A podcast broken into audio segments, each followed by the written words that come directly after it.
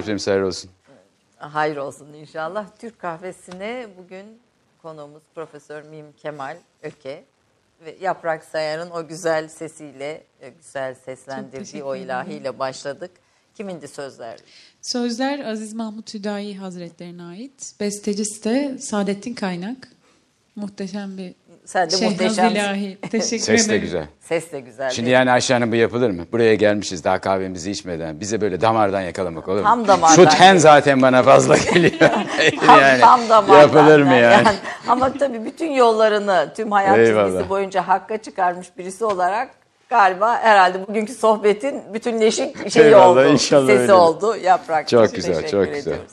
Efendim şeref verdiniz. Estağfurullah, istirham ederim. Önce e, Mim Kemal Öke'nin kahvesi nasıldır? Yani nasıl içer, ne zaman içer, çok içer mi, az içer mi? Kahvenin hayatındaki yeri nedir diye başlayayım mı?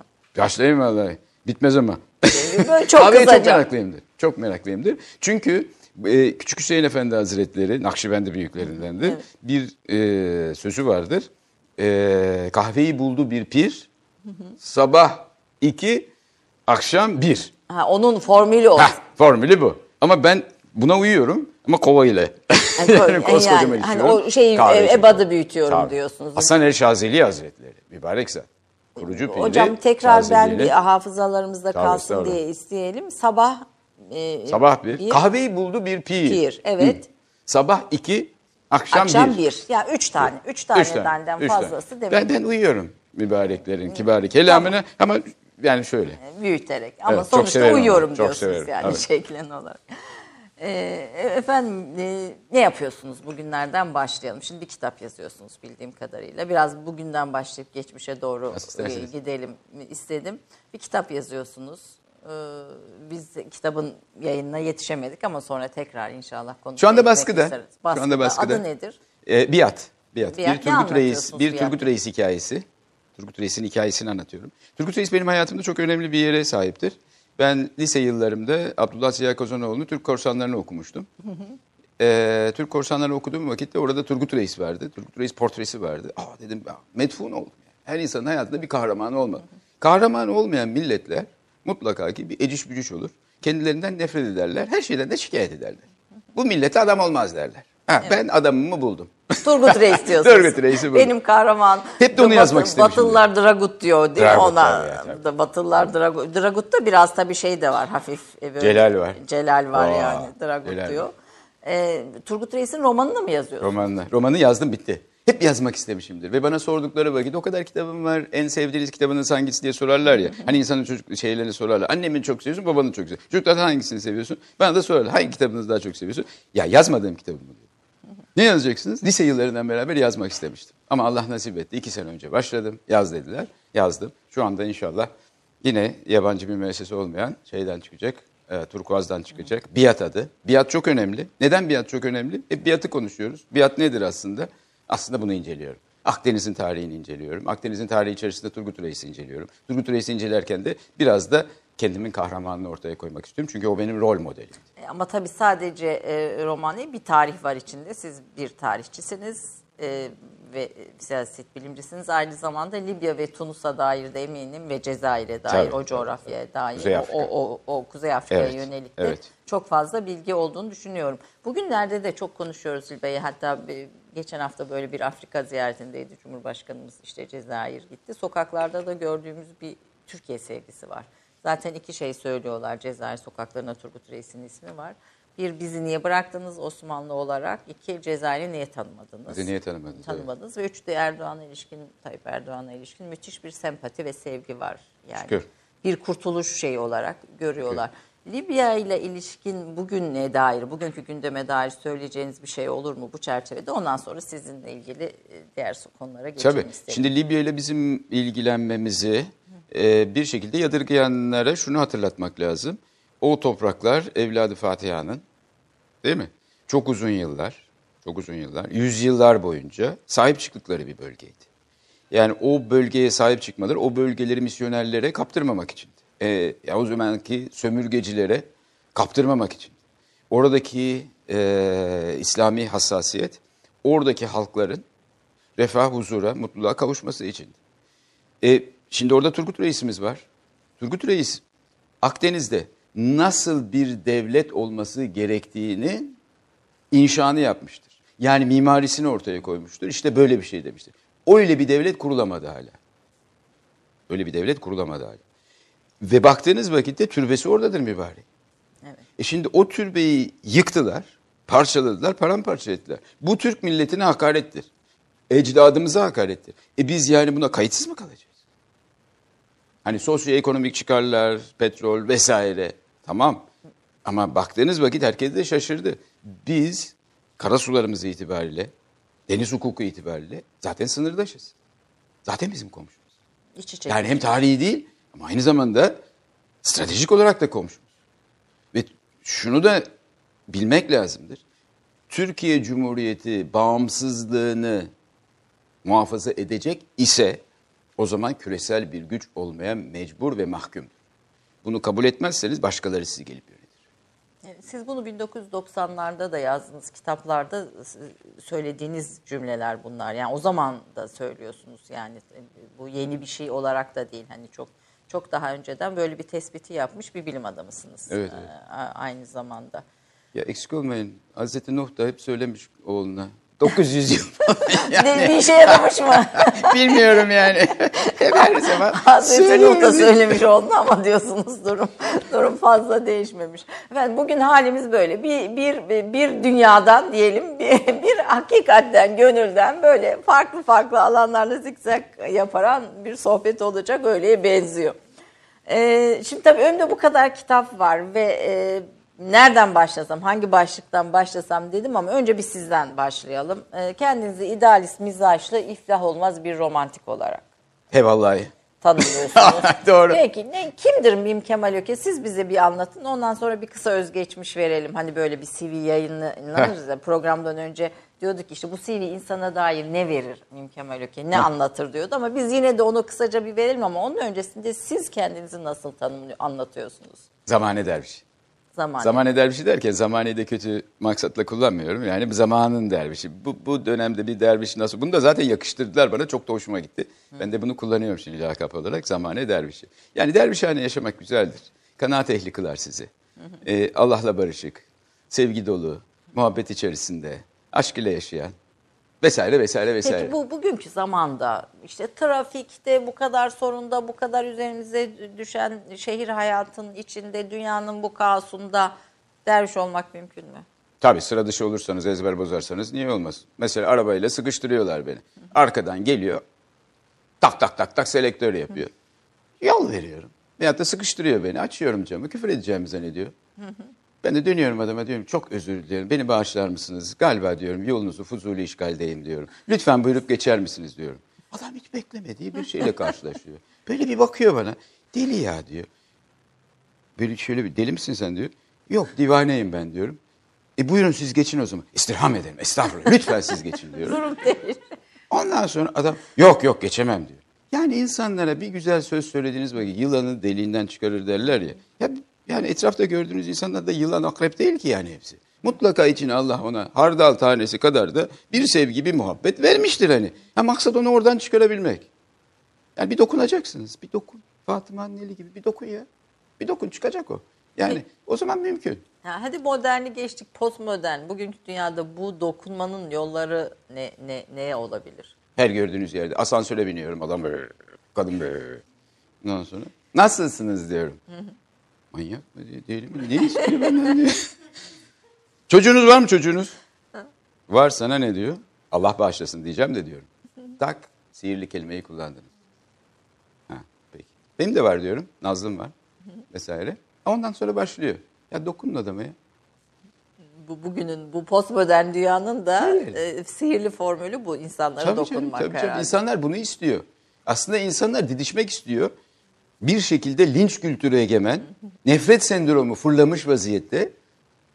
Herkes kendisinden bile nefret ediyor. Ama bir böyle güler yüz gösterdiğiniz vakit Hazreti Peygamberimizin dediği gibi sadaka mahiyetinde bile değil ya. Yani asansörde giderken ben şimdi 25. katta oturuyorum. Neresinden baksanız 3 dakikada çıkacağız yukarı. 3 dakika böyle kömüş gibi durmak yerine. Bir laf söyleseniz orada, o da size bir laf söylese, o gününü ihya edersiniz yani. Evet bir muhabbet bir sıcaklık olur kadar. olsa bile yeter. Bundan bile kaçınıyoruz ama tabii ki. Efendim Mim Kemal Öke'nin kısa hayat öyküsünü çok kısa izleyelim. Ondan sonra sohbeti sürprizlerle devam edeceğiz.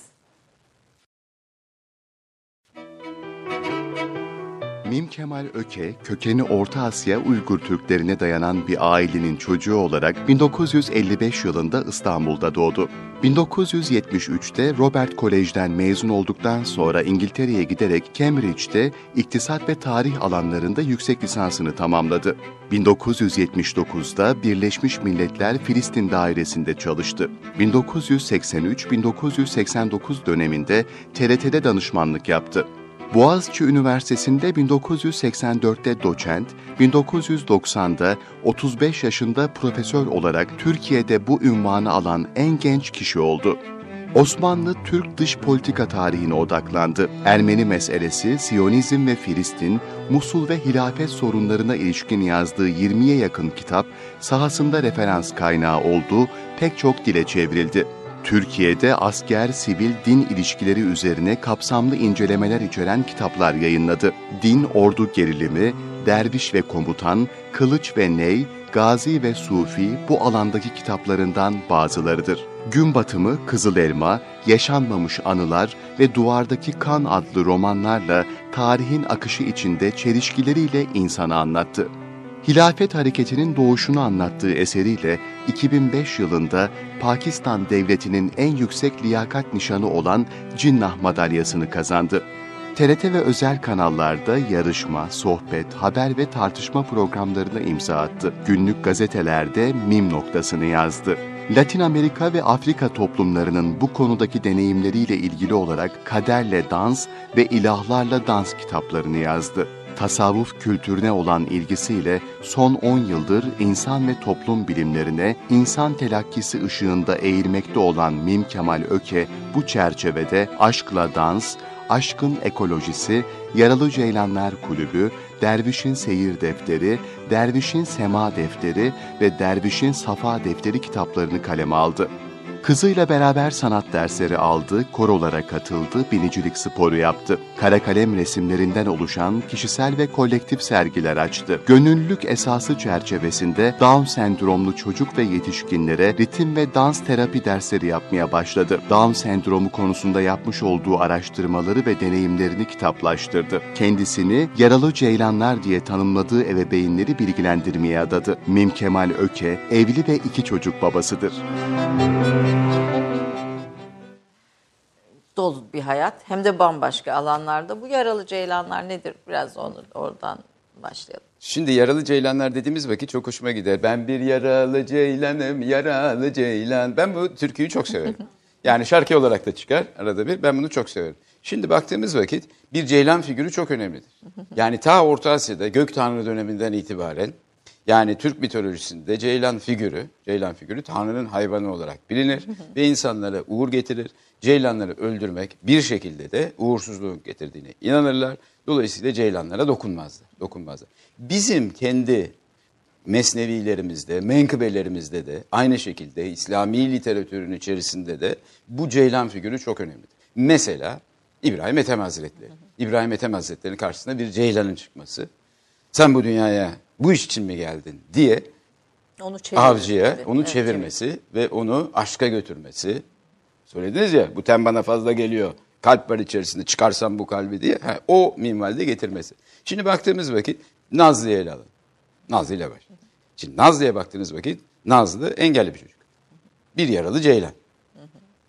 Şimdi ben bütün hayatım boyunca Nazlı'yı normal hayat içerisine geçirmek Dahil. için uğraştım. Aslında onun bana söylediği bir şey vardı. Baba ben niye böyleyim? Aslında orada hikmeti dile getiriyordu. Ben böyleyim de sen ne kadar böyle kalacaksın? yani aslında benim neden böyle olduğumu sen acaba fehmedebildin mi? İdrak edebildin mi? Ki siz e, Nazlı'nın e, sizin gerçek profesörünüz olduğunu söylüyorsunuz. Tabii. İşte o zaman ne oluyor Ayşe Hanım?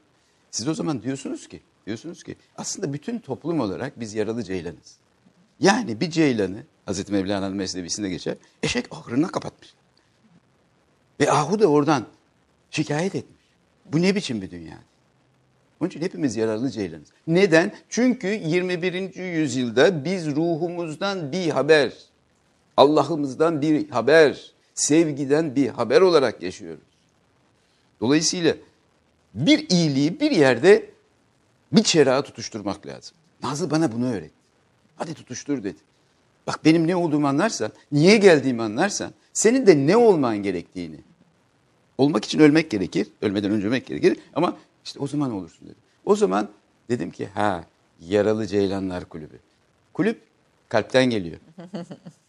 Kalpler yani. Ama yaralı ceylanlar aslında yararlı ceylanlar. Engeller bize kendi engellerimizi kaldırmak için varlar. Bu engeller gözümüzün önündedir. Bu engeller kalbimizin üzerinde perdelerdir. Bak burada arkadaşlar ne yapıyor? Perde kaldır desem şimdi kaldırırlar onları. Hatta yaralı ceylan Bizi- bile hafif mırıldanırlar bize yani Ha, söylerler değil mi? değil mi? Bilmiyorum. Kaldır perdeyi. Kaldır perdeyi bir yaralı ceylan. Ee, yani dünyaya diyorsunuz buğulu camdan bakıyoruz. Belki bu Şahane. bu buğulu cam mı Şahane. kaldıran bir şey mi bu Şahane. bu evet. arayış diyelim. Evet, evet bence de öyle. Yani mesela insanlar Ay Ayşe ben de ona şaşıyorum ben. Mesela bazı insanlar diyor ki ben, ben canım sıkılıyor. Ha iyi. Pilates yap. Ne yapayım yani? Canım sıkılıyor. E, canı sıkılır insanlar. Canı sıkılan insanlar başkalarının canını sıkar. Hı? Sıkı can da iyidir babaannem öyle derdi. Çıkmaz derdi kolay. Ama bak ne dediler orada mübareğin değil mi? Aziz Mahmut Hüdayi Hazretleri'nin orada işte diyor ki can diyor. Canını ver. Niye canını ver? Cananını bulasın diye. Şu canın içerisinde canan olmazsa yuh ona ya. Yuh baba vardı eskiden. Çok sıkılır diyorsun. Çok sıkılır vallahi ya. E Allah o kalbi onun için vermiş adama. Cananı bul diye vermiş. E bunları boşuna mı okuyoruz biz şimdi? Bunları okuyorsunuz insanlar dinliyor işte. Dinliyor ama o değil diyorsunuz aslında. Yani musluk tamiri yapar gibi ilahi dinlemez ki. Nasıl dinlenir? Musluk tamiri yapar gibi dinlenmesi. Gözyaşıyla dinlenir. Gözyaşıyla dinlenir. Başka? İçinden geçerek. Bak beni burada edeple durdum. Yoksa sema bile kalkabilirdim yani burada. Siz e, Afrika dansları, Afrika ritimleri, Evet. Afrika müziği üzerine de Nazlı ile birlikte Tabii. çalışıyorsunuz. Bu konuda da ders de veriyorsunuz. Bu Yaralı Ceylanlar Kulübü'nde yapıyorsunuz. Evet, bildiğim- aynen öyle. bi- Bildiğim kadarıyla. Evet. Bunun hikmeti nedir? Buna buna tevessül etmenizin sebebi nedir? Şimdi e, tabii Nazlı depresyon içerisine girmişti. Toplumun bakışlarından rahatsız olarak. Yani biliyorsunuz farklılıklara tahammülümüz yoktur bazen. Evet. Kaç yaşında Nazlı? şu Nazlı şu anda 30'a geliyor. 30 yaşında. Evet, 30 30, yaşına yıldır siz Nazlı ile birlikte Nazlı. bir eğitimin içindesiniz. Tabii tabii tabii. E, Yani hani Türkiye'nin en genç profesörü diyorlar ama hoşlandığım tabirlerden bir tanesi de şudur. Yani Nazlı'nın babası. Evet. Türkiye'nin en genç babası. profesörü, Nazlı'nın Evet, babası, evet. zamane dervişi. Tabii, tabii. Evet. Babalık mesleğinin profesörü. Babalık mesleğinin Yani profesörü. o inşallah öyle oluruz da o çok önemliydi. Yani bu bizim kültürümüzde vardır. Yani bizim kadim kültürümüzde Darüşşifa geleneği var. Darüşşifaların içerisinde dar, musiki terapi yapılır. Terapistler şifa gülerler. Şifaya beylerler. Her makamın kendisine mahsus hı? bir iyileştirici tarafı yok mu? Var. Biz bu ilmimizi yitirdik. Yitik malımız biz bunu yitirdik. Nazlı ne zaman depresyona girdi? Ondan sonra başladık.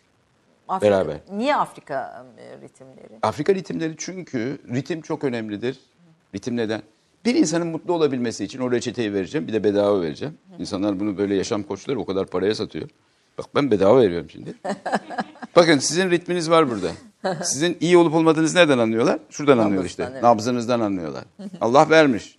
Şurada bir alem yatıyor. Bu alemin içerisinde takır takır takır çalışıyor. Öyle mi? Şu ritim alemin ritmiyle hemhal olursa yani alemin ritmiyle sizin ritminiz tevhid olursa uyum, uyum sağlarsa, birleşirse. iki Adem, alem Evet. bir de Allah. Üç, üçlü, Allah'ın üç, ritmiyle de- üç, üç A diyorsunuz. O zaman üç A, o zaman siz kurtardınız. Mutlu olursun. Ale, Adem, e, alem, Adem, Allah üçlü e, Evet, üç tabii. A'yla, üç Evet, A'yı formül. tabii. fo- Bir A daha var ama. o nedir hocam? Aşk. O onun nedir Harc, hayatınızda? harcı arasındaki harcı. Aradaki Aradaki birleştiren. işte yani tenzih ve teşbih tahterevallisi içerisinde bunun harcı da aşktır. Bu birleştiren. Nazlı'nın hayatınızda yeri büyük. Peki Evet. ailenizin, kendi ailenizin bir, tarih aileye de sahipsiniz. Babanız, Evet. aileniz. Türkiye'nin köklü ailelerinden diyelim. Birinin evladısınız. Ailenizin hayatınızdaki önemi, yeri, size katkısı. Bir of çekebilir miyim? Arkasından da bir ah çekeyim. Siz de doldurun anneanneyle. Şimdi herkesin ailesi derler. Dışarıdan bakıldığı vakit ne zurnaya iyi mi gözüküyormuş? Dav, davulun Yani tam bir beyaz geliyor. Türksünüz diyeyim Ha, dışarıdan beyaz, işte bakın. beyaz Türk olmanın da getirdiği bazı sıkıntılar var. Yani baktığınız vakit herkes beni Yani çok köklü bir aile. Bunu çok böyle köklü evet çok bir, köklü bir aile de. Şehirli Şimdi bir benim aile, Kemal Öke İstanbullu dendiği bir vakit aile. benim tüylerim ürpermeye başlıyor. Niye? Neden benim tüylerim ürpermeye başlıyor? Bakın yani yarım asır ben 64 yaşındayım. 50 senedir o Mim Kemal Öke'nin ben olmadığını ispat etmek için uğraştım. Yani dedem, dedem tamam Atatürk'ün doktoru. Daha önce de hani kahramanlıkları vesairesi evet. şusu busu da var. Ama adamcağız maşrık azam. Mason yani. E şimdi ben mason değilim bu işte genetik de değil. Ve ben tamamıyla farklı kulvarda bir adamım. O maşrık azam ben inşallah hayatımda bitirirken mahşuk azam olarak bitiririm. Ara, arada bir fark var. tamam bir fark var. Büyük Ama, bir fark ama. ama işte ben bundan hep rahatsız olmuşum. Hmm. Bu adam var ya. Işte Hiç bunun şeyini dolayı. görmediniz mi? Faydasını veya size katkısını? Tam tersine. Yani mirası bile yemedim. Mirası bile yiyemedim diyorsunuz Yani- o kadar durum. Yani mirası bile kalmadı. Yani bu- bunu şaka diye söylüyorum ama hep böyle beni gagalamak için mutlaka bu kullanıldı ve karşıma çıktı. Aslında dedelerin içerisinde bir dede daha var. Hani bu Cumhuriyet Halk Partisi, laikçi, beyaz Türkler Evet. ve bir de karşı tarafta Ekrem Ayrı Üstündağ var ya. O Annenizin. annemin tarafından. E ona baktığınız vakit o da Demokrat Parti'nin kurucusu. Evet. Çok da iyi bir doktor. Çok iyiliksever. Son zamanlarda onun hakkında bir doktora tezi yazıldı. Biraz da onunla alın beni. Ne olur. Bir, bir de anne dedem var diyorsunuz. Bir de Yani oradan bir de gelip- bir de onunla şey yapın. Ee, Çok büyük sorumluluk. Çok sorumluluğun üzerinde de vebal. Tabii tarihi bir ailenin tabii getirdiği yük de var. Yük de var. Ee, şeylerde avantajlar çok fazla yoktu diyorsunuz ama Tabii. Aynı o taraftan bakıldığı vakit şey diyorlar ha bu bize ihanet etti. Ee, Bu taraftan bakıldığı vakit ya onun torunu böyle dolayısıyla o, o yani milliyetçi mukaddesatçı falan olamaz. bir, bir taraftan da peki Ya Araf'ta kalmaktan. sizin böyle dinle, İslam'la e, barışık hayatınız aileniz içinde nasıl karşılandı? Önce bir şaşırdılar. Kimlere bulaştın dediler. Hı? Şeyde üniversite yıllarımda. Ee, onun- Nerede ne- ne- nerede sizin dinle, İslam'la barışmanızı veya buluşmanızı sağlayan? ben her zaman milliyetçi bir adamdım. O tamam. Milliyetçi bir adam olduğunuz vakit mutlaka içinde bir dokusal olarak bir hardal tanesi, hardal tanesini severim, ben, hardal tanesi kadar da mutlaka ki kültürel bağlamda baktığınız vakit, kültürel bağlamda baktığınız vakit bir İslami bir kültür vardır. Bir dokunuş vardır. Ama benim bunu anlamam İngiltere'de öğrencilik yıllarında. Çanlar çalıyor. Çanlar kimin için çalıyor? Çanlar senin için çalıyor mükemmel. En sonra papaz geldi sen Müslümansan dedi. Sana bir tane mescit açalım bari bunun içerisinde dedi. Bir namaz kıl. E bana bunu papaz hatırlattıysa. E ben de bunun hakkını vermek mecburiyetindeydim yani. O zaman hakikaten tahkiki iman yaptım. Sıfır kilometre giden bir arabayı rodajdan çıkarmak. Eskiden rodaj vardı böyle benim zamanımda. Bizim zamanımızda. Ha, bizim zamanımızda gittim kütüphanelere vesaire. Bütün diğer dinleri de araştırdım. Kendi dinimi de araştırdım. Elhamdülillah iyi ki Müslümanım ya dedim. Tahkiki iman sizinkisi. Evet. Yok, insanlar gülüyor bana. Benim ilk kıldırdığım namaz, ilk kıldığım namaz, ilk kıldırdığım namazdır. Mescidi Cemaat. açtım. Tamam ya cemaat dedi. Herkes gelsin dedi üniversitedeki. Bütün Müslüman öğrenciler gelsin dedi. 18 yaşında namaza başladım. Ha ne oldu? Türkiye'ye döndüm. Annemle babam geldiler böyle. "Hmm, burada bir şey var. Sen kimlere karıştın? Ya 1980'ler. Ya 70'ler. Yok dedim yani. Sen dediler her gün mü kılacağım bu namazı? Yani. Beş vakit. Günde beş kez hem de. Beş vakit. Böyle şaşırdılar maşırdılar. Sonra hiç unutmuyorum. Bir hafta sonra geldiler. Bize de öylesine dediler. Evet. Fakat diğer taraftan hani bir Müslüman ülkede, bir Müslüman toplumda e, hani çok bilinen bir şey namaz ama bundan bir haber bir de şey, bir çevre. Ya. Anne, yani annem, annem bana onu diyor. Oğlum diyor bizim evimizde diyor hani namaz kılınmazdı diyor. Sen nereden çıktın diyor. Anne dedim ben aslında Mars'tan geldim. Papazdan öğrendim. ya papazdan öğrendiğine inanırlar mı ya? İnandırıcı bir şey söylemediler. Bunu öğrendim. Efendim kısa bir reklam arası. Kısa bir reklam arasından sonra e, Mim Kemal Öke ile bu güzel sohbete devam edeceğiz. Bir dakika reklam arası. Romandan şiire, tarihten düşünceye, klasik metinlerden özel edisyon çalışmalarına kadar geniş bir yelpaze ve yüksek bir frekanstan yayın yapmayı hedefleyen Ketebe, şimdiden Türk kültür hayatında kalıcı ve önemli bir yer edindi. Edebiyatımızın seçkin eserlerine, genç kalemlere, tarihimizin engin zenginliğine, dünya edebiyatının hem güncel hem de klasik metinlerine, düşünce dünyamızın, maneviyat tarihimizin köşe taşlarına ve gün yüzüne çıkmamış değerlerine ev sahipliği yapmak, Ketebe'nin yayın politikalarının omurgasını oluşturuyor. Dünya standartlarında bir yayıncılık anlayışı ve deneyimli kadrosuyla yola çıkan Ketebe Yayınları, kitaba, kağıda ve söze hürmet eden bir medeniyetin parçası olarak her şey geçer, yazı kalır diyor. Reklam arası sona erdi. Titrer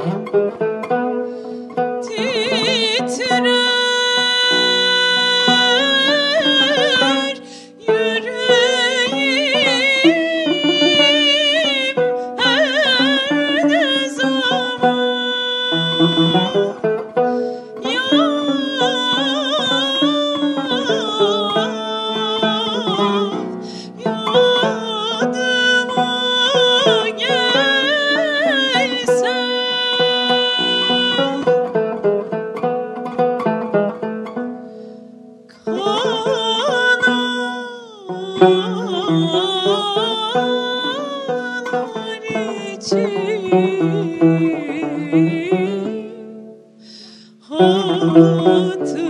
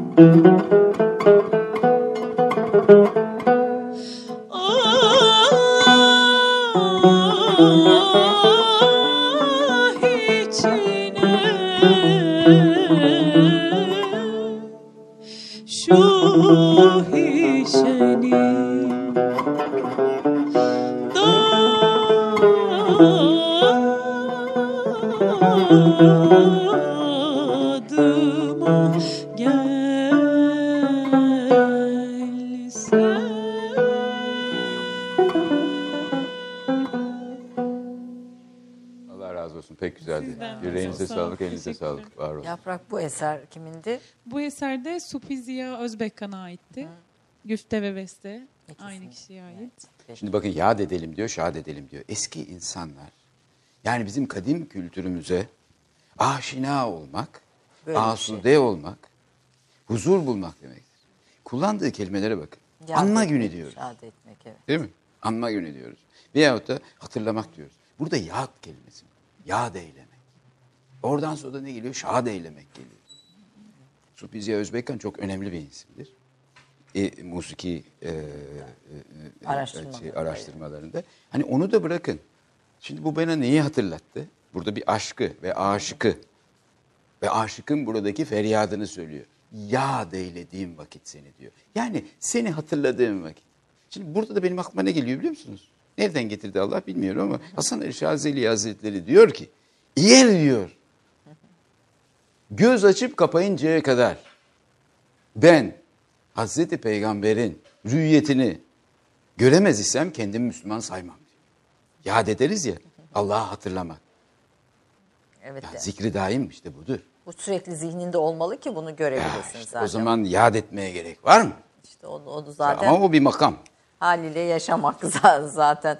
Ee, zaten insan yaşamadan, e, göstermeden e, bunların içine giremez diyorsunuz illa illa illa. Büyükler öyle der biz bir şey bilmiyoruz. Peki siz bilmiyorsunuz. Peki öyle öyle öyle kalsın.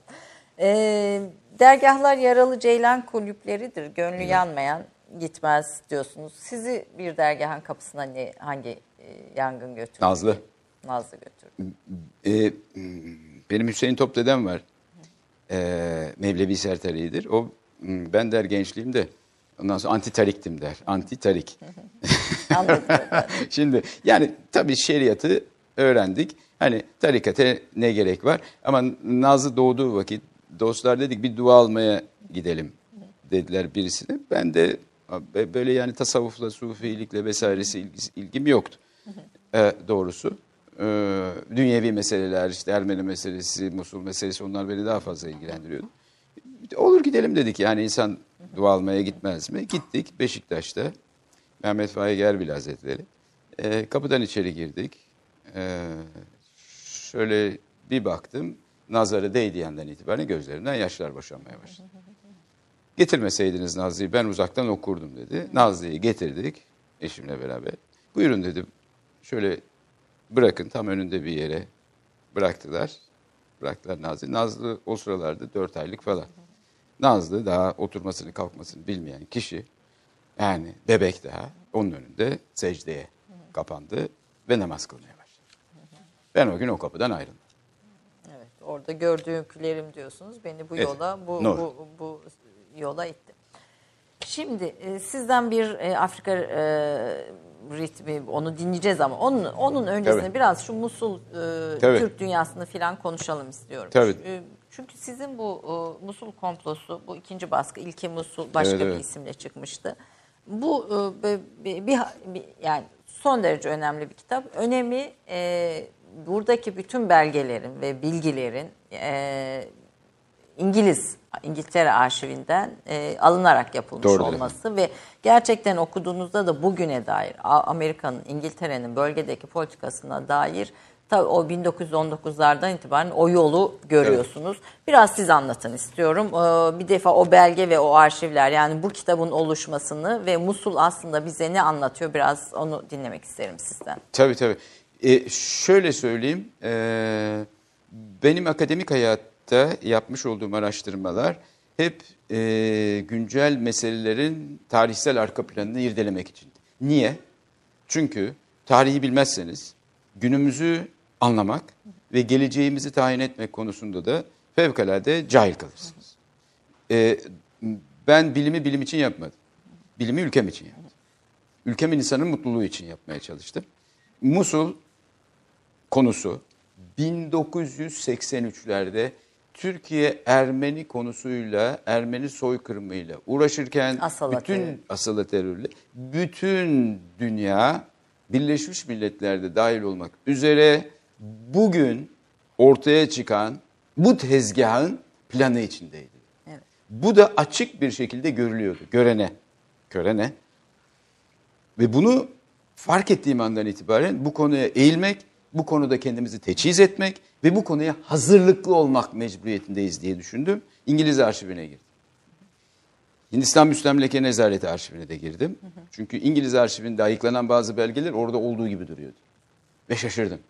Yani en hayati dönem olan 1919-1926 döneminde nasıl emperyalistlerin buradaki aşiretleri Manipüle ettik. manipüle ettikleri çok açık bir şekilde yazılıyordu. Ee, baktığımız vakit ben bu kitabı yazdıktan sonra benim asistanlarım da gidip çalışmaya teşebbüs etti. Bütün bu belgeleri kaldırdılar. Yani aslında sizin orada o arşivleri e, açık halde bulmanız Evet. da bir şanstı. Nimetti. Nimetli bir Nimetti, şanstı. nimetti. Ve Ama aynı oyunda devam ediyor. Hani derler ya işte Sevr hortladı falan. Sevr hortlamaz. Yani Sevr hortlar da tarihin kendisine mahsus her dönemde farklı bir manipülasyonu vardır. Farklı bir boyutu vardır. Ama bu bölge üzerindeki oyunlar hep devam etmektedir. Bugün de olduğu gibi. Ya Musul neydi bizim için aslında neyin işaretiydi? Hani bir, bir bugüne dair de nasıl bir işaret veriyordu? Bir, e, bir kere Musul'a baktığımız vakit bizim tarihi coğrafyamız içerisindedir. Mustafa Kemal Atatürk de kabul etmiştir. Misak-ı Milliye'nin içerisi içerisinde. Bu bir. İki, orada Musul'da Türkmenler yaşamaktadır. Kerkük Türkleri. Biz Türklerini okuyoruz. Hı? E, Bizim için de çok önemlidir. Ee, üç, o bölge halkı için çok önemlidir. Çünkü yani bunu şölen olarak söylemiyorum. Ya, evet milliyetçiyim ama şölen olarak da söylemiyorum. Ne zaman Türk Orta Doğu'dan çekilmiştir, Orta Doğu kendini bulamamıştır.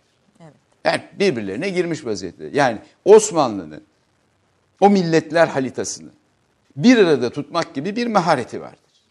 Hani şimdi diyorlar ya bunu yabancılar da kabul ediyor. Yabancı bilim adamları da kabul ediyor. Yani çok kültürlülük diyorlar ya kozmopolitanizm ne derseniz deyin. Farklılıklar içerisinde bir arada yaşamak. Bakın Evet fark. Bir- farklılıklar içerisinde bir arada yaşamak. Şimdi ondan da vazgeçtiler ama şimdi tekrar şeye döndüler. Dönüyorlar yani. Farklılıklar içinde bir arada yaşama fikrini e, onlar da Batı da savunmaya kalkıyordu. Şimdi vazgeçti yani. Tabii, Batı tabii. sa- onu, onu Çok yaşayın. Şimdi virüs patladı. Koronavirüsü mü daha Evet. önemli yoksa bu virüs mü? Yani nefret sendromuyla ırkçılık patladı. Irkçılık patladı ve bu ırkçılık anti-Türkizm, anti-İslamizm şeklinde geliyor. Eskiden çok güzel belirttiniz. Bir şekilde dünyanın geleceği İslam dünyasına bağlıdır. İslam dünyasının geleceği Türkiye bağlıdır. Evet. Türkiye bağlıdır. Bunlar dünyanın geleceğini Türk'le ve Müslümanla, İslam alemiyle bir şekilde uzlaşarak yapmaya niyetleri vardı. Ondan vazgeçtiler aynen buyurduğunuz gibi. Şimdi tamamıyla imha etmeye kalkıyorlar. Yeni Yok etmeye kalkıyor. Yeni stratejileri bu. Asimilasyon falan da değil bu. zaten bu- Jenosit yani. E, Tam bir jenosit gerçekten. Peki Musul'da bunun işaretleri neydi? Yani bu belgelerde siz ne buldunuz? Emperyalistlerin, İngiltere'nin e, o bu coğrafyaya ilişkin emelleri açısından ne buldunuz? Bir burada bir ileri karakol istediler. Yani e, burada bir Kürdistan kurma projesi vardı. Bu Kürdistan'ın boyutları hep tartışıldı. Büyük Kürdistan. Büyük Kürdistan dediğimiz vakit yani Türkiye topraklarında içine alacak, Suriye'yi de alacak, Irak'ı da alacak. E, ikinci aşamada peki bunun lideri kim olacak? Ee, bu nasıl bize bağlı olacak?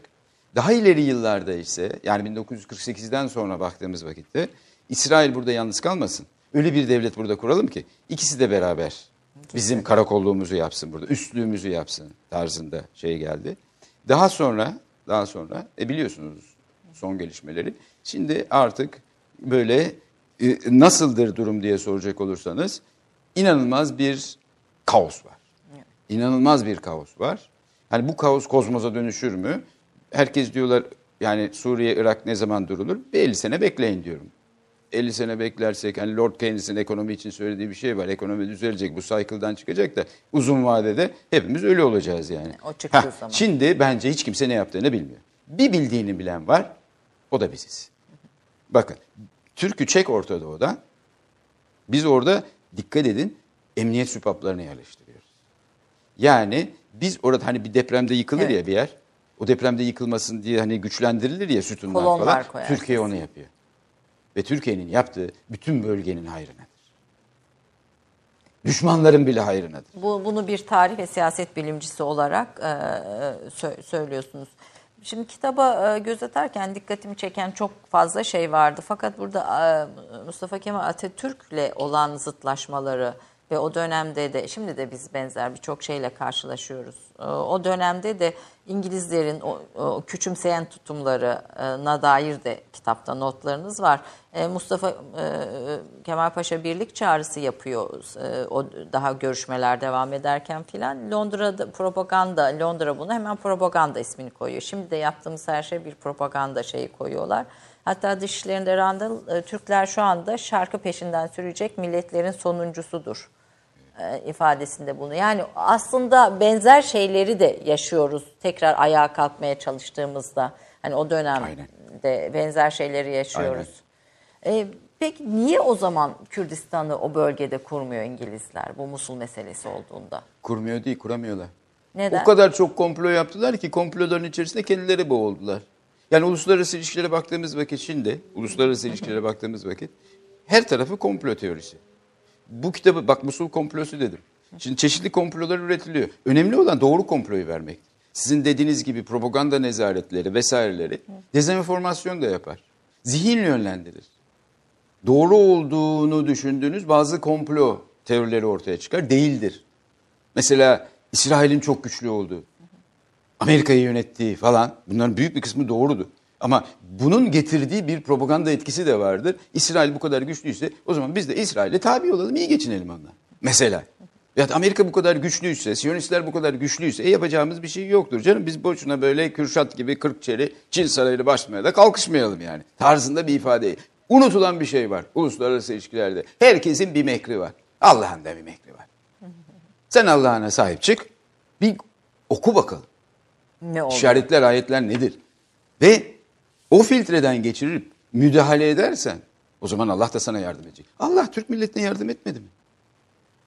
Yardım etmedi mi? Bu kadar sene İslam'ın bayraktarlarını taşımadık mı? Nefsi attığımız sürece biz koskoca imparatorluklar kurduk vesaire tarzında böbürlenmediğimiz sürece biz bunu ilahi kelimetullah için yapıyoruz. Allah isterse yapıyoruz. Gaza için yapıyoruz. Biz burada barışı getirmek için yapıyoruz. İnsanları bir arada yaşatmak için yapıyoruz. Bu bizim Türk can hakimiyeti mefkûresinin İslami bir boyutu vardır. Bu bizim kızıl elmamızdır dersek Allah da yardım eder. Allah yardım etti verdi işte. Allah Ememilere vermedi İstanbul. diyorsunuz. Bunu bunu Türk Türklere verdi. Kendisi Türkçe İslamcı olarak tanımlıyorsunuz. Neden? Elhamdülillah. Müslüman. Peki o tanımın içinde parantezi açtığınızda Tabii. neler var? Hangi Tabii, unsurlar tabii. var? Bir kere bir kere yani her şeyin ötesinde şuna bakmak lazımdır. Mim Kemal Öke'yi tanımlamak için zamanı dervişi diyoruz ya. Evet. Zamanı dervişi İslami hassasiyetleri var. Peki nasıl bir İslam bu? Nasıl bir İslam bu? Yani madem sordunuz söyleyeyim. Kimse dinlemiyor değil mi bizi? Yani? Yok hiç Aramızda dinleyen değil yok. mi? Aramızda konuşuyoruz. şimdi- yani Türk kahvesinin özelliği o Ya zaten. tabii, Hep aramızda sohbet. rahat konuşabilirim. Evet, yani. evet, rahat yani benim, benim çizgim bellidir. Benim çizgim baktığınız vakit hani e, Hoca Ahmet Yesevi, Maturidi, Hanife, Ebu Hanife değil mi? Evet. O tarafa e, oradan gelen bir damardır bu. Yani İslami hassasiyetlerin beni Allah'a en yakın götürüp Allah'tan geldik Allah'a gidiyoruz. Ortasında kimle berabersin? Yani bu dünyada da Allah'la beraber olmak lazımdır. Böyle bir hassasiyetlerim vardır benim yani. Türkçülük. Türkçülüğe geldiğimiz vakit Allah da beni Türk olarak yarattı. Ama burada ırkçılıktan bahsetmiyorum. Buradaki milliyetçilik, buradaki milliyetçilik asabiye ile kıyaslanacak bir şey değildir. Salt milliyetçilik sizi ırkçılığa götürür, Hitler'e götürür. Ama burada siz dersiniz ki Allah fark esmasını bizim üzerimizde kullandı ve bizi Türk olarak oluşturdu. Bu Türklük, bu Türklük İslam'ın tezyin ettiği, tezyin ettiği yani ruhunuzu geliştirdiği bir dünyaya bakış açısıdır. Dünyaya bakış açısı. İslam'ın yaşama biçimidir. Yani yani baktığımız vakit bunu Kılıç ve Neye Ehli diyoruz ya, Evet. Alperen diyoruz ya. Bizim milletimizin böylesine bir uygarlık misyonu var. Diyor ki İslam uygarlığı içerisinde, İslam uygarlığı içerisinde ben bunun bayraktarlarını yapacağım. Bunu neyle yapacağım ben? Ney dedim. Ne neyle? Ney dedim. evet. Neyle yapacağım? Evet. Ney ile. Ney size üfürürse bir millet olarak siz ney olduğunuzu kabul ederseniz kılıcı da öyle kullanır. O zarafetle diyorsunuz tabii. e, O hassasiyetle. O hassasiyetle. O hassasiyet. tabii. E, bu millet Allah'ını sevmiş. O kadar güzel ilahi okuyorsunuz. Boşuna mı millet bunları ya? Değil mi? Bunu boşuna mı be, be, Heh, be- bu millet Allah'ını seviyor. E Allah'ın sevdiği millette biz sevmez miyiz ya? De, değil mi? yani. yani. onun için Türkçüyüm diyorsun yani Allah'ın Türkçüyüm diyorsunuz. Ee, bu Musul meselesine tekrar geri döneceğim ben. Ee, e, bu Türkiye meseleleriyle ilgili katalogda Kürdistan'daki gizli misyon başlıklarını da buluyorsunuz. Ve o Evet. zaman Hindistan Of. neresi, Kürdistan neresi diyorsunuz. O döneme ilişkin 1918-26 arasında belki. Ve Binbaşı Noel. Çok doğru. Atatürk'ün de Nutuk'ta sözünü Çok ettiği doğru. bir isim olarak. Ee, onun oradaki desiselerinden, hilelerinden de söz ediyorsunuz. Kısaca bir o bahste sizin, yani bizim için Tabii. bugün için ne ifade ediyor? Ee, ve tabii burada tarih tekerrür etmez diye bir şeyiniz de var. Dikkatimi çekti. Tabii Mehmet Akif öyle diyor. Tarih tekerrür eder diyor. Ancak salaklar olursa diyor. Yani tarih tekerrür etmez. Her zaman başka bir şandadır yani tarih. Ama bazı döngüler vardır ki de- devran döndüğü vakit onlar da belli bir sürekliliği ve değişimi vardır. O her ikisini de birlikte mütalaa etmek mecburiyetindeyiz. Mesela Binbaşı Noel'e bakıyoruz. Binbaşı Noel'e geliyorlar diyorlar ki e, İngiliz istihbaratından e, kendisini oraya gönderelim. Aşiretleri de ayaklandırsın. Mustafa Kemal'in önünü de kessin. Milli mücadeleyi de durdursun tarzında. Çok iyi yetişmiş bir adam. Noel. Ona hani e, Kürtçü no, e, Lawrence diyorlar. Hani Lawrence, Arap Lawrence, Evet, evet, Lawrence Arap of Arabia evet. onlara gidiyor. Aslında Lawrence önemli değil de çok sinematografik olduğu için öyle. Peter O'Toole oynadığı için öyle oldu. Fakat onun gibi kaç tane ajan var? Siz get rütbeli de zaten Tabii ajan. hepsi- ya. ajan. Yani söylemek ayıptır ama ben bunu orada olduğum için e, söyleyeyim. Mesela Cambridge Üniversitesi Şarkiyat Fakültesi'ne baktığınız vakit, Türkoloji bölümlerine baktığınız vakit bunlar arkeolog yetiştirirler çoğunlukla. Ama bu arkeoloji sadece bir e, yani fasattır. Fasattır. Bir şekilde bir maskedir. Arkasında ajan var. O kadar iyi Arapça, o kadar iyi Farsça biliyorlar ki. Şimdi bunlar da gelirler daha sonra yetiştikten sonra İngiliz dış politikası. Arnold Toynbee de böyleydi. Büyük tarihçi. Bunlar da girdi. E şimdi bunlara karşı uyanık olmak lazım tabii. Uyanık olmak lazım. E, e, bunların da Aa tarihte böyleydi. Bugün böyle bir şey yok demek de mümkün değildir. Hala dolaşıyorlar. Papaz olarak da dolaşıyorlar. Zaman zaman yakalanıyorlar vesaire. Ortada da çıkıyor yani. Bildiğimiz bilmi. DAEŞ'in içine de sızıyorlar. En son yapılan araştırmalara göre DAEŞ'in içerisinde üçte biri hakikaten inanmış.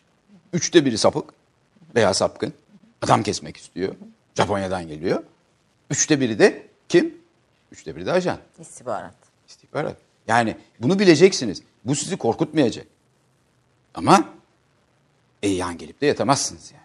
Tabii bunun Hangi karşılığında bu anlamda Yüzbaşı Noel'de dönem açısından Of. e, coğrafyanın bugünkü karışıklığın sebeplerinden birisi Tabii. e, ol- olarak e, kabul edebiliriz. Özal sizin için çok e, önemli e, Hmm. Evet. not notlarınızda ve hatta bir dönemde Türk Dış Politika Danışmanlığı da yapıyorsunuz.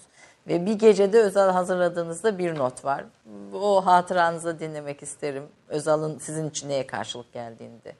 Ya evet. Rahmetli Turgut Özal'ın diyelim. Ee, şimdi e, hani Mim Kemal'in hayatına baktığınız vakit hepsi böyle bir şekilde mesela en genç profesörü diyorlar. Ben kendim profesör olmak için en genç profesör olayım diye gayret göstermedim ama bu araştırmaları yapmak istedim. Ee, daha sonra bu araştırmayı yapıp ortaya çıktıktan sonra bir televizyon programı başladı. Televizyon programı. Televizyon programından sonra gazete yazarlığı. Gazete yazarlıktan sonra Sayın Özal çağırdı. Sayın Özal da dedi ki özellikle dış politikada iki e, kültürel konularda danışmanlığımı yapar O mısın? dönem dedi. Boğaziçi'nde profesörsünüz Pro- ama Boğaziçi'nde ders profesördüm. Evet. Bir gece hiç unutmuyorum. O zamanlarda cep telefonları falan yok. Tarih aşağı yukarı 1991. Gayet iyi hatırlıyorum. Çünkü ta en büyük Bush'un, baba Bush'un Baba Bush'un ee, Irak operasyonu. Irak'ta yani Kuveyt'e girmiş Saddam o, o sırada neler yapılacak tarzında çok enteresandır o. Ee, bence tarihe tam dipnot düşülecek bir o. Dipnot da değil yani bölüm açılacak bir şeydir. Gibi yatıyoruz uyuyoruz. Gece 2'de telefon çaldı. Şimdi gece 2'de telefon çalıyor. Ya anam öldü ya babam öldü. Ya da biri küfür ediyor. İyi açtım telefonu. Alo dedim. Ben Turgut Özal dedim. Ben de Fatih Sultan Mehmet dedim. Şak diye kapattım. gece gece mahmurluğuyla. ya gece. Baktım hakikaten sesi de çok benziyor. Ondan sonra eşim dedi ki niye? No, ya dedim Özal olabilir mi? Tam danışmanlarını falan yapıyorum da gecenin ikisinde de beni arayacağını düşünmedim yani. Ondan sonra tek, kapatma mümkün var dedi. Tamam dedim.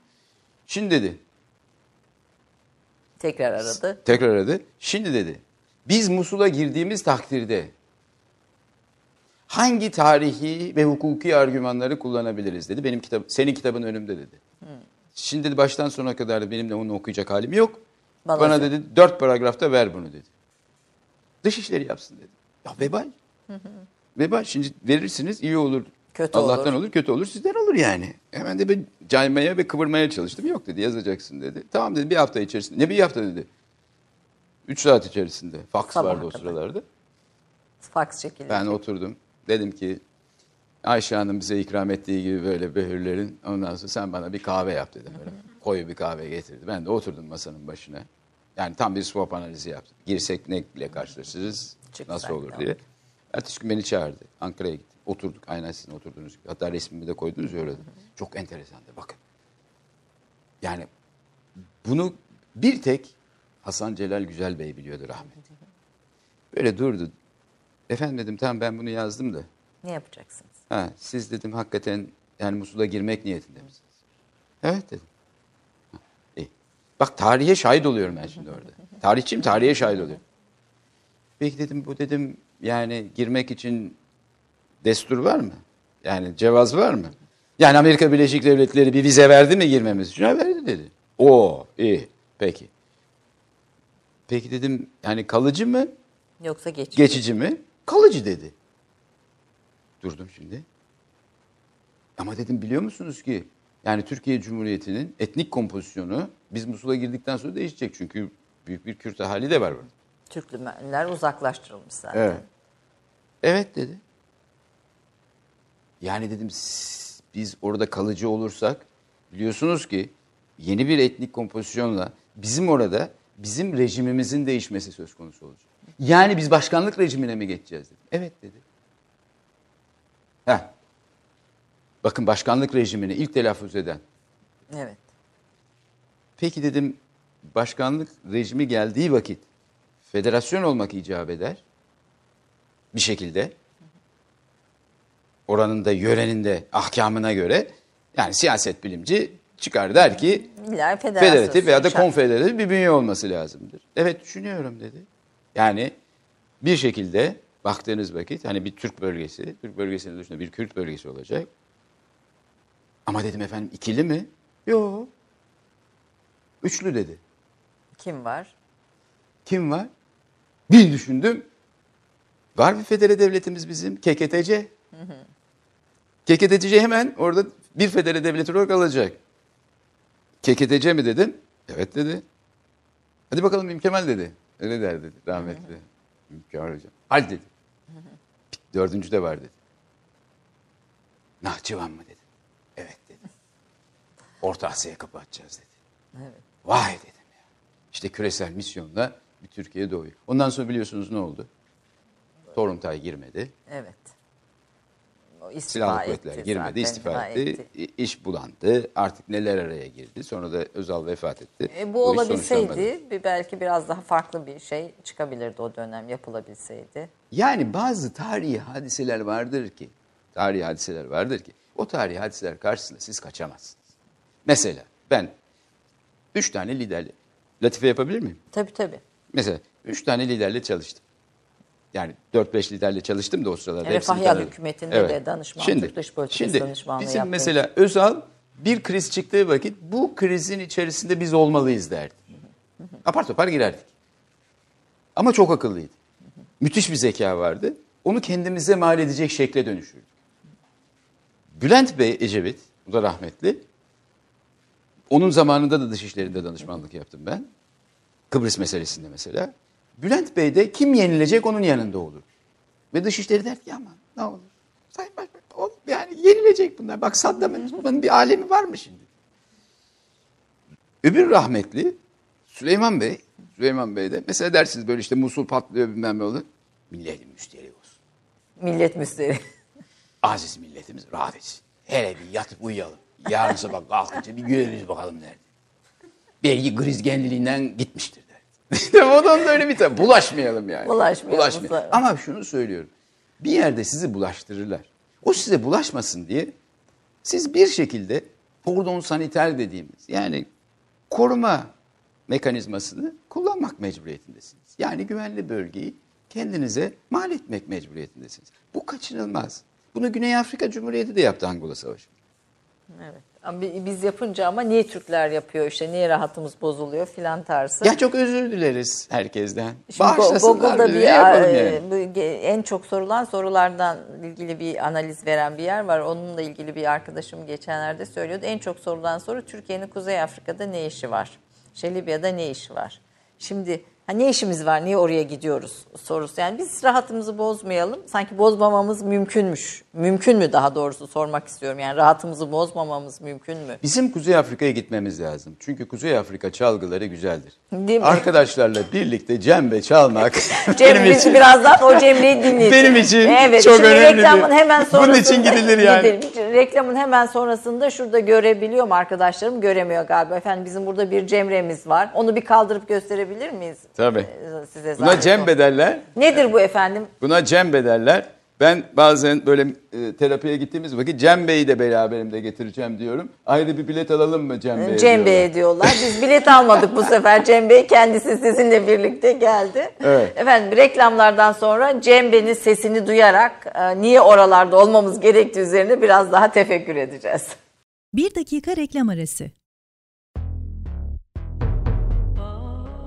Romandan şiire, tarihten düşünceye, klasik metinlerden özel edisyon çalışmalarına kadar geniş bir yelpaze ve yüksek bir frekanstan yayın yapmayı hedefleyen Ketebe, şimdiden Türk kültür hayatında kalıcı ve önemli bir yer edindi. Edebiyatımızın seçkin eserlerine, genç kalemlere, tarihimizin engin zenginliğine, dünya edebiyatının hem güncel hem de klasik metinlerine, düşünce dünyamızın, maneviyat tarihimizin köşe taşlarına ve gün yüzüne çıkmamış değerlerine ev sahipliği yapmak, Ketebe'nin yayın politikalarının omurgasını oluşturuyor. Dünya standartlarında bir yayıncılık anlayışı ve deneyimli kadrosuyla yola çıkan Ketebe Yayınları, kitaba, kağıda ve söze hürmet eden bir medeniyetin parçası olarak her şey geçer, yazı kalır diyor. Reklam arası sona erdi. Bey'den rica edelim. Cem Bey'den rica edelim. Evet, çok önemli bir adamdır. Neden önemli bir adamdır? Bakın şimdi Afrikalılar için arkadaşlarımız gayet iyi bilirler. E, Mesnevi'de de çok geçer. Hazreti Mevlana'mız için de bizim o alemde 3A prensibi doğrultusunda her şey canlıdır. Yani organik dünya görüşü. Organik dünya görüşü içerisinde her musiki aletinin kendisine mahsus Bir bir, dili ve mizacı kimliği vardır. Bu da cembe. Afrikalıların Bunun vurmalı nedir hocam? Bakın şimdi Afrikalılar der ki bunun ağacı çok özel. Çok özel bir ağaçtan yapılır. Burada nebatın nebatın ruhu vardır. Doğan'ın. Sonra buradaki üzerinde bir e, deri var. Ne Bu da hayvanın ruhu vardır. Üçüncüsü birleşen de yani el değecek üzerine de o da insanın ruhudur. Ve geldikleri vakit Afrikalılar, Afrikalılar ki Afrika'da da çok tanrılı değil. Evet. Yani tek tanrıya onlar da inanıyor ve çok da kızıyorlar. Çok da kızıyorlar. Ruhlar derler. Ruhlar derler. Şimdi geldiniz önüne. Önce bir selamlıyorsunuz ve diyorsunuz ki yani Cembe benim için kutsal. Şimdi başlıyoruz biz çalışmaya diyorsunuz. Ve şimdi ben size bir iki Afrika ritmi göstereyim. Tamam. Tamam mı? Dinliyoruz, dinliyoruz efendim.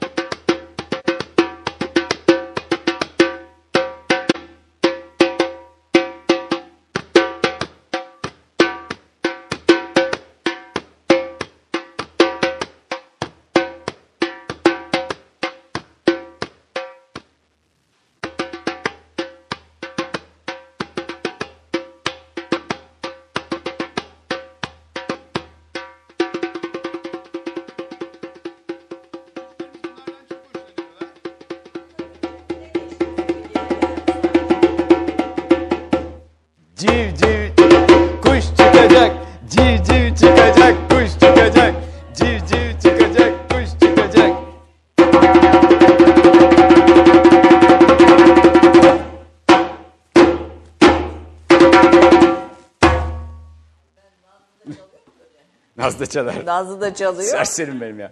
Çocuklar da çalıyorlar. Çocuklar da Bizim- çalıyorlar. da- Down sendromlu çocuklar Tabii. hepsi bir de. Hani altını çizelim. Bu, bu onların sevdiği bir ritim. Çok. Ve insan Bayılıyorlar. Bir ruhu, de bunun tabii dansları da var. ha, insan ruhu. Ya folkloru var yani. Afrika folklorunu da iyi yaparım. Onu da öğretiyorsunuz Tabii, da. olmaz bu olur mu? Yaralı Ceylanlar Kulübü'nde. Efendim e, Yaralı Ceylanlar Kulübü'ne bu dersleri almak için gidebilirsiniz. Eyvallah tabii. O, gidi- tabii. ta- Çok eğleniyorlar burada. Hepimiz eğleniyoruz. e, tarih derslerini ner- efendim kendi alanınızda bir üniversitede ders veriyorsunuz. Tabii. E, her ne kadar 28 Şubat'ta Boğaziçi'nden ayrılmak zorunda kalsanız da ayrılma gerekçeniz de çok kısa. 28 Şubat'ta sizin gibi değerli Türkiye'nin en genç profesörü, bu kadar arşivi, bu kadar değerli çalışmaya imza atmış birisi neden bir akademik hayatı terk etmek zorunda kaldı? Ya Boğaziçi'ne geldim ve kimse yani onları o günleri hiç hatırlamak istemiyorum. Ee, çok dış bir insan için yani gidin yüzüne deyin ki ben senden hoşlanmıyorum. Ben senden hoşlanmıyorum. Çok güzel. Ama en kötü his nedir biliyor musunuz? Allah aşkınıza kimseye yapmayın bunu. Dışlanmışlık. Evet. Birisini dışlamak. Ötekileştirmek. itmek. Tahmin ediyorum sana. Oh, oh. Böyle bir tavır içerisinde olmak. Ben bunu çok yedim ya. Yani Boğaziçi'nin aldıkları vakit tabii ki e, yani Cambridge'den gelmiş bir adam. Robert Gayet havalı bir akademisyen Robert yani. Koreş. Ondan sonra dedesi miyim Kemal? E doğru isim canım. Sonra bir bakıyorlar imalat hatası mı acaba? Arada bir namaz falan Ha, kılıyor. Eyvah. Ya ben bir şey yapmıyorum ki dersimi anlatıyorum dersimi de asla karıştırmam. Mesela çok öğrencim bana gelip şeyi söyler. Hocam siz komünist misiniz, faşist misiniz, demokrat mısınız, sağcı mısınız, solcu musunuz? Evladım ben ne, benim ne olduğumu ilgilendirmez ki. Ben sana ayna tutuyorum. Sen neysen sen kendi içindekini çıkar diyorum. ve ondan sonra ne oldu? Giderek böyle "Aa, bu böyleymiş canım. Yani biraz evvel dediniz ya bir İslami hassasiyetlerin olması, iki bir de milliyetçi olma. Rahatsız etti. Rahatsız etti. O zaman sizi tecrit etmeye başlıyor. Öyle bir yere geldi ki 28 Şubat'ta o imkanı onlara verdi. Direkt böyle yüzüme bakıp biz senden hoşlanmıyoruz dediler. Oh be. Biz seni aramızda görmek istemiyoruz dedi.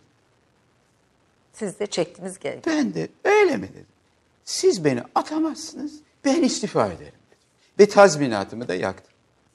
Tazminatımı da yaktım. Oh. iyi. Diyor, Canıma da değsin diyorsunuz. Olmuş bitmiş canıma da değsin. E, Furkan bu ritmi çalabiliyor musunuz siz de? Yok yani ben çalamıyorum. Türkiye Türkiye'de Tabii. ku- ku- kullanılan ve şey hani bi- bizim de aşina olduğumuz bir ritim. Şimdi ben e, aşağı mesela şey yapıyoruz. Bizim hani usuller vardır ya. Düm tek tek dü, düm tek düyek. E, düyeki bununla vuruyorum ben. Yani çocuklara onu da öğretiyoruz. Mesela çocuklara ilk Nim Sofyan'dan başlıyoruz. Nim Sofyan'dan sonra şeye geçiyoruz. Mesela Semai'ye geçiyoruz. Velverili tekke Sofyan'ı. Velverili tekke Sofyan'ı. Düm tek a düm tek. Değil mi? O, onları bununla vurduğumuz o Allah. tam Ses bir muhteşem. oluyor. İsterseniz hemen bir zikir halkası kurayım burada. Kur'an siz semada yapıyorsunuz Allah! zaten tabii değil mi? Ruha, ruha şifa olan her şey her şey bizim Dinle hayatımızın sözümü içinde. canına şifa. Doğrudur. Ruha şifa olan her şey hayatımızın içinde var diyorsunuz. Ee, er, e, Siyonizm. Şimdi ben tabii gene programın sonu yaklaştı. Ben acaba neyi e, eksik bırakıyorum filan paniği içindeyim. Siyonizm ve Filistin sorunu. Eyvallah. İlk çıkan yayınlardan birisidir Doğru. sizin bu alanda yapılmış, e, yazılmış eseriniz. Ee, şimdi de başka bir evreye doğru bir barış Doğru. planıyla geldi. Ee, 1800-1923 arasını Evet, evet. inceliyorsunuz. Tam işte Siyonizm Kongre filan. Ee, biraz o kitabın da özelinden bakarak Siyonizm ve Filistin sorunuyla ilgili bugüne de tutacak bir değerlendirme isterim sizden. Tabii çok güzel. Şimdi bu diyorlardı ya hani masonlar, siyonistler vesaire falan. Hani dedem de mason falan olduğundan dolayı. Ama bu ne menem şeymiş diye e, bir şekilde o tarafa doğru bir ilgim uyandı. Yani dedemin hayatını hiç yazmadı. Beni o kadar ilgilendirmedi dedem de. Ama özellikle de özellikle de bu hani masonlar, siyonistler vesaire nedir diye. Bir de bakın 1908 ilk başta programa başlarken ne dediniz? İdealist, romantik. Evet, Bir şeyler yapmak istiyorsunuz. O zaman yani 1970'lerde dünyanın en büyük sorunu olarak kabul edilen, Birleşmiş Milletler'in de kabul ettiği Filistin meselesi. Yani Filistin meselesi eğer çözümlenirse, çözümlenirse o zaman Orta Doğu'da çözümlenir. Deniyor idi. deniyor idi. Orta Doğu çözümlenirse bütün dünyadaki sorunlar çözümlenir diyordu. Birleşmiş Milletler bunu söylüyordu. Hala haklıdırlar. Hala haklıdırlar. Peki bir genç ve romantik bir adam, idealist bir adam ya bunun için Filistin kamplarına gidip Savaşacaktı. gerillacı olacaktı ki vardı Ki gazetecilerin bir- arasında gidenler vardı. sol kesimden de birçok Sağdan da vardı. sağdan. Yahut da bunu barışçı yolda oturup araştıracaktı. Ben gittim bunu araştırdım. Ondan sonra da Filistin dairesine gittim çalıştım. Filistin dairesinde çalıştınız. Filistin'de Birleşmiş, Birleşmiş Milletler'de tabii. tabii, E, tabii. ne kadar kaç yıl çalıştınız? Aşağı yukarı 6 ay falan. Hani bir, bir dönem. Sonra sonra baktım bu iş olmuyor çünkü bir, bir tiyatro var. Ama bugüne baktığınız vakit neydi? Onu bugün diyenler, onu bugün diyenler yine aynı sorun. Bakın yine Siyonizm aynı sorun. Fakat Siyonizme karşı olup, Siyonizme karşı olup bunun bir şekilde çözümlenmesini isteyen Evet. İslam ülkelerinde dahi bir yıpranmışlık ve tüket- tükenmişlik ve ilgisizlik ve dahi kayıtsızlık vardır. Türkiye'nin dışında hiç kimse sahip çıkmıyor. Nereden biliyorsunuz diyeceksiniz. Tamam. Söyleyeyim. Siyonizm ve Filistin sorunu kitabı. 500 sayfa. Arapçaya çevrildi. Bir yayın evi bulamadık. Bunu alacak. Bunu yayınlayacak bir yayın evi bulamadık. Hiç kimse istemiyor o konunun konuşulmasını. Hiç kimse sahip çıkmıyor. Kim sahip çıkıyor hala? Hala Türkiye. Evet, Türkiye minute ya, bayraktarlığını, bayraktarlığını yapıyor bu meselenin ama tabii Arap dünyası sahip çıkmadan Hayır. da meselenin çözülmesi de mümkün değil. Değil. Çünkü Arap dünyasının ortasında bir e, ha- hançer olarak e, duruyor. Evet. E, güncel gelişmeleri de takip ediyorsunuz. Bu Siyonizm ve Filistin sorunu kitabında gelişmeleri son derece objektif bir dille aktarıyorsunuz. Abdülhamit Han, İttihatçılar, Mustafa Kemal, e, Atatürk'le ilgili de çarpıcı tespitler var. Aslında baskısını biz bulamadık ama e, keşke yeniden basılsa da tekrar bir gözden geçirsek. Çünkü bu, o, 1800 ve 1923 adlı arasındaki dönem son derece kritik Evet. e, bu sürecin içinde. E, meselenin Tamam. çözüleceğine inanıyor musunuz?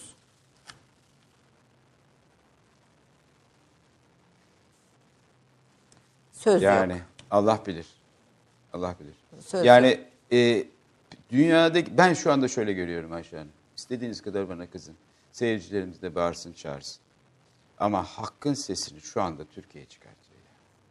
Haklının sesini Türkiye çıkartıyor. Evet. Yani bakın Filistin meselesinden bahsettiniz. Musul'dan bahsediyorsunuz. Başka taraf Afrika'dan bahsediyorsunuz. Herkes kendi içine kapanmış. Avrupa Birliği de kapılarını da kapatmış.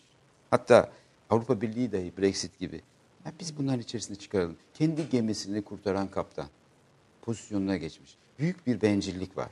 Yani güç dengesi, güç politikası, tamamıyla moralizmden sıyrılmış bir uluslararası ilişkiler an- anlayışı, insan insanın kurdu diyen anlayış bizi aslında kendi içimizden koronavirüsü gibi kemirmekte.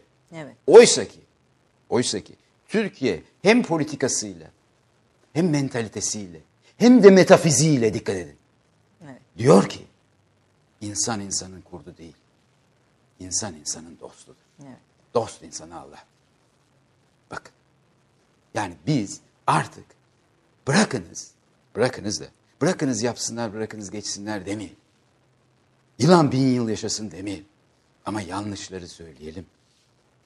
Ve bir şekilde, bir şekilde hiç olmazsa gönlümüzden buğz edelim. Düzelmesi için de gayret sarf. Elimizden geleni Örnek olalım. Rol olduk. modeli olalım. E, kitaplarınızdan birisi Ermeni sorunu. Türkiye'nin Türkiye üzerinde kadim meselelerden birisi. E, yüz, belki yüzleşmemiz gereken, belki başka bir türlü muhasebesini yapmamız gereken bir kitap. E, bu kitapta 1914-1923. Aslında yani 1800 ve 1923 arasında farklı alanlarda birçok çalışmayı birleştirdiğinizde bir e, yüzyılın anatomisi de çıkmış oluyor. Yaşayın, teşekkür ederim. Ee, biraz da bu kitaptan çok kısa söz edelim istiyorum. Çok az da vaktimiz kaldı. Ee, Ermeni meselesinin Türkiye için taşıdığı önem nedir? Ee, bu meselede nasıl bir tutum izlemek gerekir diye bir kısa özet soru sormak isterim. Çok uzun bir aslında tartışma alan ama. Şimdi o zaman biraz e, yani bu sorun nasıl çözümlenebilir e, geldiğimiz evet. vakit şunu. Gene bizim sizinle hep üzerinde durduğumuz, sizin yazılarınızda hep belirttiğiniz ötekileştirme meselesidir. Yani bugün bir acı varsa bu acıyı nasıl ifade ettiğiniz ve bu acıyı nasıl paylaştığınız çok önemli. Evet. Yani insanlar kendi kimliklerini ve kişiliklerini, kişiliklerini bir şekilde ifade edebilmek için mutlaka ki zaman zaman bir öteki bulmaya çalışıyorlar. Nefret edilebilecek birisini bulmaya çalışıyorlar. Yani müfrit Ermeni milliyetçilerinde ve teröristlerinde ortak kanı şudur ki Ermeniliğin muhafazası için soykırımın hı, mitolojisi çok önemli. Evet. Bunu çektiğiniz andan itibaren biz bunu muhafaza edemeyiz. Özellikle diasporadaki ve Amerika'daki Ermeniler için bu çok önemli. Taşnak Bizi kullanmayın. Evet. Ben hep gittiğim konferanslarda bunu dedim. Ya bizim musiki şinaslarımız vardı. Bizim Balyan ailesi gibi mesela mimarlarımız vardı. var. Yani Camiler inşa ediyorlardı. Değil mi? Yani bizim Mevlevihanelere gelen Ermeni asıllı bestekarlar vardı. Evet. Bimenşe'nin bestelerini okuyoruz yani, sonuçta. Bizim kucaklaşmamıza engel oluyor. Dolayısıyla bir acı var. Bu acıyı, bu acıyı biz sen daha fazla kestin, biz daha fazla kestik. Tarzında tatsız bir tartışmaya sürüklemenin de hiç anlamı yok. O zaman ne yapmak lazım? Bakın ilk defa söyleyeceğim şimdi sizin programınızda. Bu sorunun çözülmesi için, bu sorunun çözülmesi için bir belgelerin ortaya konması. Belgelerin ortaya konduktan sonra iki tarafında tarihçilerinin yan yana gelmesi lazım. E, Siz belgelerin açıkta olduğunu söylüyorsunuz. Tabii tabii Yani açık Bizim. Osmanlı Tabii. arşivleri, Tabii Başbakanlık canım. arşivi burada Tabii, da zaten şimdi, belgeler hele yo- şimdi, yoğun hele vaziyette. hele şimdi. belgeler açıkta herkesin Hele gelip inceleyeceği hele şekilde şimdi, olduğunu hele söylüyorsunuz. Bakın rahmetli Türkeş. Ermenistan'da Türk bizim Kafkaslar'da, Kafkaslar'da Gürcistan'la, Ermenistan'la, Azerbaycan'la Türkiye'nin bir şekilde bir dostluk ve bir arada yaşama hattı kurmamız lazım. Azerbaycan bizim için çok önemli. Evet, bu sorunun çözümü de Kafkaslarla birlikte olmalı. Kafkaslar'da. Yani mesele sadece Anadolu meselesi değildir. Kafkas meselesidir. Ermenistan demokrasisiyle, demokrasisiyle eğer oluşabilirse insan hakları ile o zaman muhatap alınabilecek bir hale gelir. Yani bir terör devleti, bir haydut devleti olmaktan çıkarsa bunu Batılılar bizi görüyorlar da bu şekilde onu görmüyorlar. O zaman ne yapmak lazımdır? Ben Türkeş zamanında Türkeş'le birlikte oturup konuşmuştuk. Ermenistan'la ilişkilerin açılmasını istiyordu rahmetli Türkeş. Ve şöyle bir planı vardı. Birlikte oluşturduk. İki tarafın din adamları. Çıksın. Buluşsunlar sınırda. Buluşsunlar. Birinci Dünya Savaşı'ndaki kayıplarımız için ortak dua ediyoruz desin. Ve bu işi artık tarihe havale edin.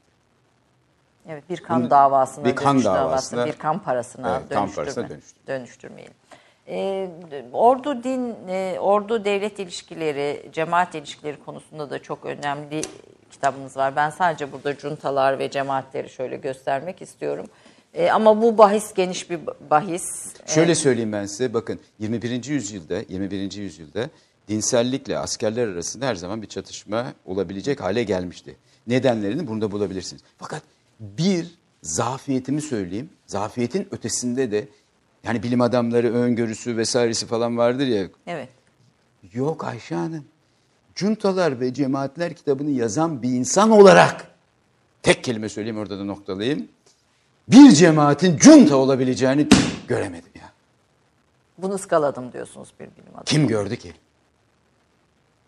Görebilen oldu mu hiç dünyada da bunun fark edebilen? Pes. Şapka çıkartıyorum diyorsunuz. Pes. Şapka çıkartmıyorum da. Yani şunu söyleyeyim. Yani muazzam bir komploydu. Allah Türkiye'yi kurtardı. Ee, 15 Temmuz Of tabii. Allah Türkiye'yi kurtardı. O vakte kadar bu araştırmaları ve bu çok küresel toplum, e, dışlanan demokrasi diyorsunuz ve geniş bir çerçevesi var bu kitabında. Yani bu araştırmaları yaparken hiçbir işaret hissetmediniz mi? Yani düşünmediniz mi? Aklınıza gelmedi mi daha doğrusu bir e, Yani bir cemaatin cemaatin junta haline Yani geleceğini? bir cemaatin bu kadar ekonominin içerisinde olması, bu kadar siyasetin içerisinde olması bir cemaat ahkamına bile aykırıydı. İki, iki yani dinsellik ayrı bir şekilde, e, tarikat ayrı, tasavvuf ayrı e, e, e, ve iç politika ayrı bir şeydi. Yani ve ben bunu eleştiriyordum. Ve ben bunu eleştirdim hep. Yani niye bu kadar bu iş içerisindesiniz? Mesela benim inancıma göre herkes onu karıştırıyor. Cemaatle tarikatı yan yana getirmek mümkün değildir. Ama tarikat dediğiniz vakit tarikat bireysel bir olaydır. Tasavvuf, tasavvufa baktığınız vakit tasavvufun siyasetle de ilişkisi yoktur. Ekonomiyle de ilişkisi yoktur. İnsanın vicdanıyla ilişkisi vardır. Tenindeki canla uğraşırken benim ne işim var onlar? Tarzında değil mi? Ama o zaman, o zaman ve giderek sinyallerini de vermeye başlamıştı zaten. Başlamış. Nasıl sinyallerini vermeye başladı? Çok uluslararası düzleme geçtiği vakit. Evet. Uluslararası düzleme geçtiği vakit o demek ki dışarıdan bir şekilde artık bir ahtapot geldi yapıştı ya onun embriyosuydu yahut da böyle bir ruh satılma hadisesi oldu. Aa, orada artık iş koptu. İş koptu. İş koptu derken hani 28 Şubat'ta diyorsunuz 28 Şubat'ında Mim Kemal yok ki. Mim Kemal ne zaman devreye girdi? Tekrardan unutulmuş bir adamdı. Öldüğümüz öyle diyorlardı. Ambargoluyduk çünkü. Sadece üniversiteden atılmadı ki. Bana ambargo uygulayanlar sadece bundan sonra İslami açıdan veya Türkiye açıdan benden hoşlanmayanlar değildi ki. Bu camiada vardı. Elbette. Her zaman. Bu camiada vardı. Bu camiada istemediler. İşbirliği, ortaklık. Belki yeni bir şeyde bu cuntalaşan cemaat meselesi de bir, başka bir eserde ortaya çıkar, araştırır.